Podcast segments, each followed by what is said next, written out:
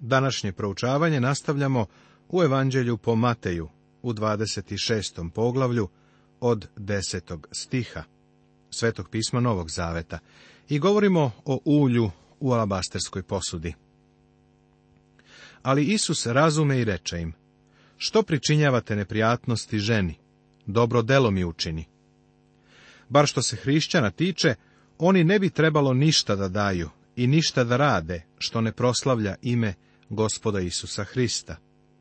Ja lično odbijam da učestvujem u bilo kakvim takozvanim dobrim delima u zajednici, osim ako Hristos nije u njima proslavljen, osim ako se rade u njegovo ime. Zapanjen sam time kako malo oni postižu. Koliko oni stvarno čine ono što ljudima donosi blagoslov. Prosto mi je muka kada slušamo korupciji među političarima u programu za siromašne. Međutim, kada se sa ljubavlju pruži pomoć u ime gospoda Isusa, on sam je rekao da je to dobro delo. Jer siromah je svagda imate sa sobom, a mene nemate svagda. Mi koji kažemo da verujemo u Hrista i da želimo da proslavimo i uzvisimo njegovo ime, treba danas više da radimo u njegovo ime. Kada ona naime izli ovo miro na moje telo, za moju sahranu to učini. Zaista vam kažem, gde god se uspropoveda ovo evanđelje po celom svetu, kazat će se i to šta ona učini za sećanje na nju. Dom Simona Gubavog u Vitaniji za gospoda Isusa je bio mesto svetlosti i prijateljstva. Suprotno tome, Jerusalim je bio mesto mržnje. On u Jerusalimu nije provodio noći, u toku posljednje sedmice, nego je odlazio u Vitaniju i tamo ostajao sa ovim ljudima koji su ga voleli. Oni koji ga vole i žele, jesu oni sa kojima danas on ima zajednicu. Prijatelju i ti možeš da ga poželiš i da ga imaš. Divna priča o razbijenoj posudi od alabastera ispunila je svet svojim mirisom. Gospod je rekao, Gde god se uspropoveda ovo evanđelje po celom svetu, kazat će se i to šta ona učini, za sećanje na nju. I tu priču baš sada mi pričamo. Čujem kako ljudi govore o tome da su naslednici apostola, ali ja bih volio da bude Mariji naslednik. Samo je Marija od svih Hristovih sledbenika razumela i unela se u Hristovu smrt, dok je apostolima suština potpuno promakla. Iako je ona bila na periferiji događanja, ona je ovo razumela. A da bi mu to dala do znanja, pomazala ga je. Da li je protračila miomiris? U evanđeljima čitam da su ujutro prvoga dana u sedmici druge žene otišle na Isusov grob, da njegovo telo pomažu radi sahrane. Postavio bih ti jedno pitanje. Da li su one svoj miomiris stavile na Isusovo telo? Ne jer on nije bio u tom grobu, vaskrsnuo je. Samo je Marija imala privilegiju da ga pomaže. Prijatelje, u ime gospoda Isusa, ti i ja treba da razbijamo posudu od alabastera sa uljem. Spoljašnji svet ga ne poznaje, pa mi treba da pazimo da sve što radimo bude na slavu Hristu, a ne nama. A sada se sa ovog divnog prizora okrećemo ka drugom mračnom prizoru. Juda planira da proda Isusa. Tada jedan od dvanaestorice, koji se zove Juda Iskariotski, ode prvosveštenicima i reče, šta ćete mi dati pa ću da vam ga izdam, a oni mu odrediše trideset srebrnika. I od tada je tražio zgodnu priliku da ga izda. Ovo delo Jude Iskariotskog je mračno i kukavičko i suprotno Marijinom činu duhovnog zapažanja. Dante je Judi i Brutu dao najniže mesto u delu pakao i niko od tada još nije rekao da je pogrešio. Ovi ljudi su počinili najniže i najpodlije delo koje čovek može učiniti. Uradili su to kad su izdali onoga kome je trebalo da budu odani. Tražio je zgodnu priliku da ga izda. Vidiš, hapšenje je trebalo da se odigra kada je Isus bio sam, odnosno kada masa ode. Juda je čekao takvu priliku. Pasha i posljednja večera A prvoga dana beskvasnih hlebova pristupiše učenici Isusu govoreći, Gde hoćeš da ti spremimo da jedeš pashu? On reče, idite u grad do toga i toga i recite mu, učitelj kaže, moje vreme je blizu, kod tebe ću praznovati pashu sa svojim učenicima i učiniše učenici kako im Isus naredi, te spremiše pashu. Sada će gospod Isus sa svojima otići u gornju sobu i tamo će objaviti da će ga jedan izdati. A kad nasta veče, ležaše za trpezom sa dvanaestoricom i dok su jeli, reče, zaista vam kažem da će me jedan od vas izdati. I veoma ožalošćeni počeše govoriti jedan za drugim da nisam ja, gospode. Svako od ovih ljudi je znao da je u srcu imao da izda Isusa. Da li si ti to otkrio u svom srcu i životu? Prijatelju, ti i ja smo upravo tako, na niskom nivou. Možda ćeš reći, o ja to ne bih nikad uradio, a jesi li siguran? Ja bi ga verovatno izdao u sljedećih pet minuta, da on svoju ruku ne drži nadamnom, a i ti također. To treba da nas drži blizu njega a on odgovori reče, koji umoči sa mnom ruku uz delu, taj će me izdati. Sin i do duše ide, kao što je napisano za njega, ali teško onome čoveku koji posreduje u izdajstvu sina čovečijeg. Bolje bi mu bilo da se nije rodio kao čovek. A ljuda koji ga izdade, odgovori i reče da nisam ja ravi. Reče mu, ti kaza. Zanimljivo je zapaziti da ga Juda nije nazvao gospodom kao ostali učenici. U ovom trenutku Juda prema Jovanovom izveštaju napušta prostoriju. Tada Juda uzevši zaloga, i odmah izađe, a bila je noć. A kada su jeli, uze Isus hleb, blagoslovi, izlomi i dade učenicima i reče, uzmite, jedite, ovo je telo moje. Tada uze čašu i zahvali, dade im i reče, pijte iz nje svi, jer ovo je moja krv saveza koja se proliva za mnoge radi oproštaja grehova. Ovde vidimo kako gospod uspostavlja gospodnju večeru nad pepelom umirućeg praznika Pashe. Čaša je u toku Pashe sedam puta kružila. Isus je očigledno posljednjeg puta uspostavio gospodnju večeru. U toku gozbe pevali su Halel psalme, 111. 12. do 118. Kada ih budeš čitao radi sebe, imaj na umu da ih je gospod pevao te radosne večeri.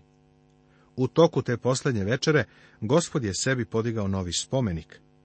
To nije bio mermerni ili bronzani spomenik, nego spomenik sačinjen od privremenih zemaljskih elemenata, od hleba i vina. Oba elementa govore o njegovoj smrti i ponovnom dolasku. Ali vam kažem, od sada neću piti od ovoga roda čokotova do onoga dana kada ću ga s vama piti novog u carstvu oca moga. Pasha će u hiljadugodišnjem carstvu biti ponovo uspostavljena. Gospod je rekao da će on u carstvu ponovo piti od ploda vina. To znači da će Pasha u to vreme podsjećati na njegovu smrt na krstu pasha, koja je vekovima bila znak očekivanja njegovog dolaska, u toku godišnjeg carstva će biti sećanje na njegov dolazak. I pošto su otpojali hvalu, iziđoše na Maslinsku goru. Predskazanje o Petrovom odricanju Tada im reče Isus, svi ćete se vi sablazniti o mene ove noći, jer je napisano, udariću pastira pa će se razbeći ovce od stada. Ovo je citat iz Zaharijinog proroštva i svetog pisma Starog Zaveta, 13. poglavlje, 7. stih. A posle svoga uskrsa utići ću pred vama u Galileju. Tada Petar odgovori i reče mu, ako se svi sablazne o tebe, ja se nikada neću sablazniti. Petrov odgovor je nagoveštavao da on nije verovao ni drugim učenicima, ali da se gospod svakako može osloniti na njega. Petrov problem je bio taj što on nije poznavao sebe, a taj je problem koji danas mnogi imaju. Reče mu Isus, zaista ti kažem da ćeš me se tri puta odreći, ove noći pre nego što zapeva petao. Reče mu Petar, iako treba da umrem s tobom, neću se tebe odreći. A tako rekoše i svi učenici. Bilo je rano jutro, kada je Petar rekao da se neće odreći gospoda. Iste noći, pre nego što je Petao dva puta zapevao, Petar ga se odrekao i to ne jednom, nego tri puta. Gecimanija Tada dođe Isus s njima na mesto koje se zove Gecimanija i reče učenicima, sedite tu, dok ja odem onamo i pomolim se. I povede Petra i dvojicu Zevedejevih sinova, te poče tužiti i plašiti se. Tada im reče, pretužna je moja duša do smrti, ostanite ovdje i bdite sa mnom. I otide malo dalje i pade na svoje lice moleći se i govoreći, oče moj, ako je moguće, neka me mi mojiđe ova čaša, ali ne kako ja hoću, nego kako ti. Treba da obratimo pažnju na molitvu koju gospod ovde moli. Čaša očigledno predstavlja njegov krst, a njen sadržaj su gresi celoga sveta. Strašnije od same smrti i užasne patnje razapinjanja je nešto drugo, što mi izgleda ne shvatamo. A to je sljedeće. Isus, svet, bezgrešan, odvojen od grešnika, bio je učinjen grehom radi nas. Tamo na krstu gresi celog sveta su stavljeni na njega, ne na neki retorički ili akademski način, nego stvarno. Ne možemo ni zamisliti užas koji je on osjećao kada su ti gresi stavljeni na njega. Bilo je to strašno iskustvo za njega koji je bio svet zapazi da on ne moli da izbegne krst, nego se moli da bude ispunjena Božja volja. Ti i ja ne možemo uvidjeti puni značaj Gecimanije, ali ja mislim da je on baš tu zadobio Golgotsku pobedu. Nesumnjivo je da ga je Sotona kušao u Gecemaniji, baš kao što smo sigurni da ga je kušao i u pustinji. Pogledaj stih 42. Opet po drugi put ode i pomoli se govoreći, Oče moj, ako ne može da me mimoiđe ova čaša, da je ne pijem, neka bude tvoja volja. On je ovo prihvatio. Reći da je gospod pokušao da izbegne odlazak na krst nije istina. Kao čovek, on je osjećao odvratnost i užas prema činjenici da se na njega stave gresi sveta, i on je za trenutak ustuknuo zbog toga ali sebe je predao ocu. Tražio je očevu volju. Pogledajmo sada učenike koji su sa njim bili u vrtu. Petar, Jakov i Jovan. Posle svoje prve molitve vratio se kod njih i našao ih kako spavaju. I dođe učenicima i nađe ih gde spavaju. Pa reče Petru, tako ne mogoste ni jedan čas probdeti sa mnom. Bdijte i molite se da ne dođete u iskušenje. Duh je srčan, ali je telo slabo. Bdijte, ostanite budni, budite na oprezu i molite se da ne dođete u iskušenje. Šta je to iskušenje?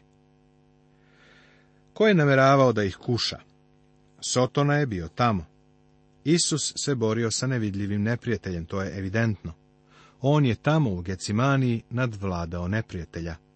Golgotska pobjeda je izvojevana u Gecimaniji. Opet, po drugi put ode i pomoli se govoreći. Oče moj, ako ne može da mi mimoiđe ova čaša, da je ne pijem, neka bude tvoja volja. On sebe predaje očevoj volji. I došavši opet ih nađe gde spavaju, jer im oči behu otežale i ostavi ih opet. Otišavši, pomoli se po treći put i izgovori ponovo iste reči. Tada dođe učenicima i reče, spavate samo i počivate. Evo, približio se čas i sina čovečijeg predaju u ruke grešnika. Spavate samo i počivate. Ali na engleskom je ovdje drugačije značenje, kažu spavajte sada i odmorite se. Očigledno, Postoji vremenski interval između ovog i sljedećeg stiha. On im nije rekao da idu da spavaju, a onda odmah u sljedećem trenutku ih zvao da ustanu. Postojalo je vreme da odremaju i odmor im je bio potreban. Zapazi kako gospod pazi na potrebe njihovog tela. Kada su malo odspavali, on je rekao, ustanite, hajdemo, evo, približio se moj izdajnik. I dok je on još govorio, gle, Juda, jedan od dvanaestorice, dođe i s njim mnogi ljudi sa mačevima i batinama, poslani od prvosveštenika i narodnih starešina. Činjenica da su Juda i ostali Isusovi neprijatelji bili svedoci mnogih čuda, ukazuje na to da su shvatali da Isus ima nadprirodnu silu i da može da je upotrebi. Tako, kada su došli da ga uhvate, poveli su celu gomilu ljudi. Moguće je da je cela straža došla da ga uhapsi. Znamo da se Pilatu nije sviđao Jerusalim, da je tu dolazio samo u dane slavlja i da, kada je dolazio, sa sobom je uvek vodio veliku stražu, koja je održavala red, jer je u toku tih slavskih dana bila baš gužva. A izdajnik njegov dade im znak, govoreći, koga poljubim, taj je, držite ga. Ovaj vrući poljubac izdaje jedne od najgorih stvari zabeleženih u istoriji. I odmah prišavši Isusu reče, zdravo rabi i poljubi ga. A Isus mu reče, prijatelju, zašto si došao? Tada pristupiše, staviše ruke na Isusa i uhvatiše ga. Poljubac može biti znak prihvatanja ili odbacivanja. Vidi ovome drugi psalm Davidov, 12. stih. U ovom događaju gospodu Isusu je dat poljubac izdaje. I to je jedno od najgadnijih čovekovih dela.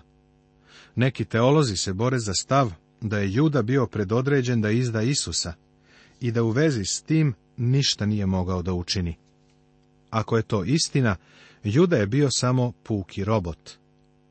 Ja mislim da je Juda sam doneo odluku da izda Isusa i da je imao sve mogućnosti da promeni planove. Možda ćeš reći, da, ali prorokovano je da će izdati Isusa. Moram se složiti sa tobom. To jeste bilo prorokovano i gospod ga je i obeležio kao čoveka koji će to učiniti. Međutim, nakon što je Juda ispunio to proroštvo, nakon što je izdao Isusa, mogao je da se pokaje. Isus je ljudi dao posljednju priliku da se pokaje i da prihvati Hrista. I nakon što ga je Juda uputio Isusu, taj vrući poljubac, izdaje, Isus ga je nazvao prijatelju. Kasnije, kada je Juda otišao u hram i bacio srebrnike koje je dobio, zato što je izdao gospoda, tu je mogao da se predomisli. Dok su sveštenici Isusa vodili Pilatu, Juda je mogao da padne pred njega i kaže, oprosti mi, gospode, nisam znao šta radim. Gospod bi mu oprostio. I gle, jedan iz Isusovog društva pruži ruku, isuka svoj mač i udari prvosveštenikovog slugu, te mu odseče uho. Znamo ko je bio ovo, Simon Petar. Mislim da je hteo da se dokaže. Prethodno se hvalio kako će umreti štiteći Isusa, ali Isus mu je rekao da će ga se Petar odreći baš te noći. Pa Petar je negde nabavio mač, nameravao da zaštiti gospoda. Ali Petar je bio ribar, a ne mačevalac. On je čoveku ocekao uho, a nije se bio ustremio na uši, nego na glavu. Namerava da tom čovjeku odrubi glavu, ali ga je zapravo malo promašio. Tada mu reče Isus, vrati svoj mač na njegovo mesto, jer svi koji se maše za mač, od mača će poginuti. Ili misliš da ne mogu da zamolim svoga oca, pa će mi odmah poslati više od dvanaest legija anđela? Drugim rečima, Petre, ne treba mi tvoj mali mač. Nisam došao da zapodenem rat sa religioznim vođama. Došao sam da umrem za grehe sveta. Kako bi se onda ispunila pisma da tako treba da bude? Vidiš, gospod ispunjava pismo. Matej to vrlo jasno pokazuje. Onoga časa reče Isus svetini, iziđo ste kao na razbojnika sa mačevima i batinama da me uhvatite. Svakodnevno sam sedeo u hramu i učio i niste me uhvatili. Prethodno, njegov čas još nije bio došao, ali sada jeste. Ali sve se ovo dogodilo da se ispune proročka pisma. Tada ga svi učenici ostaviše i pobegoše. Isus je ovo predvideo. Svi njegovi učenici sada su ga ostavili. Nastavit će se.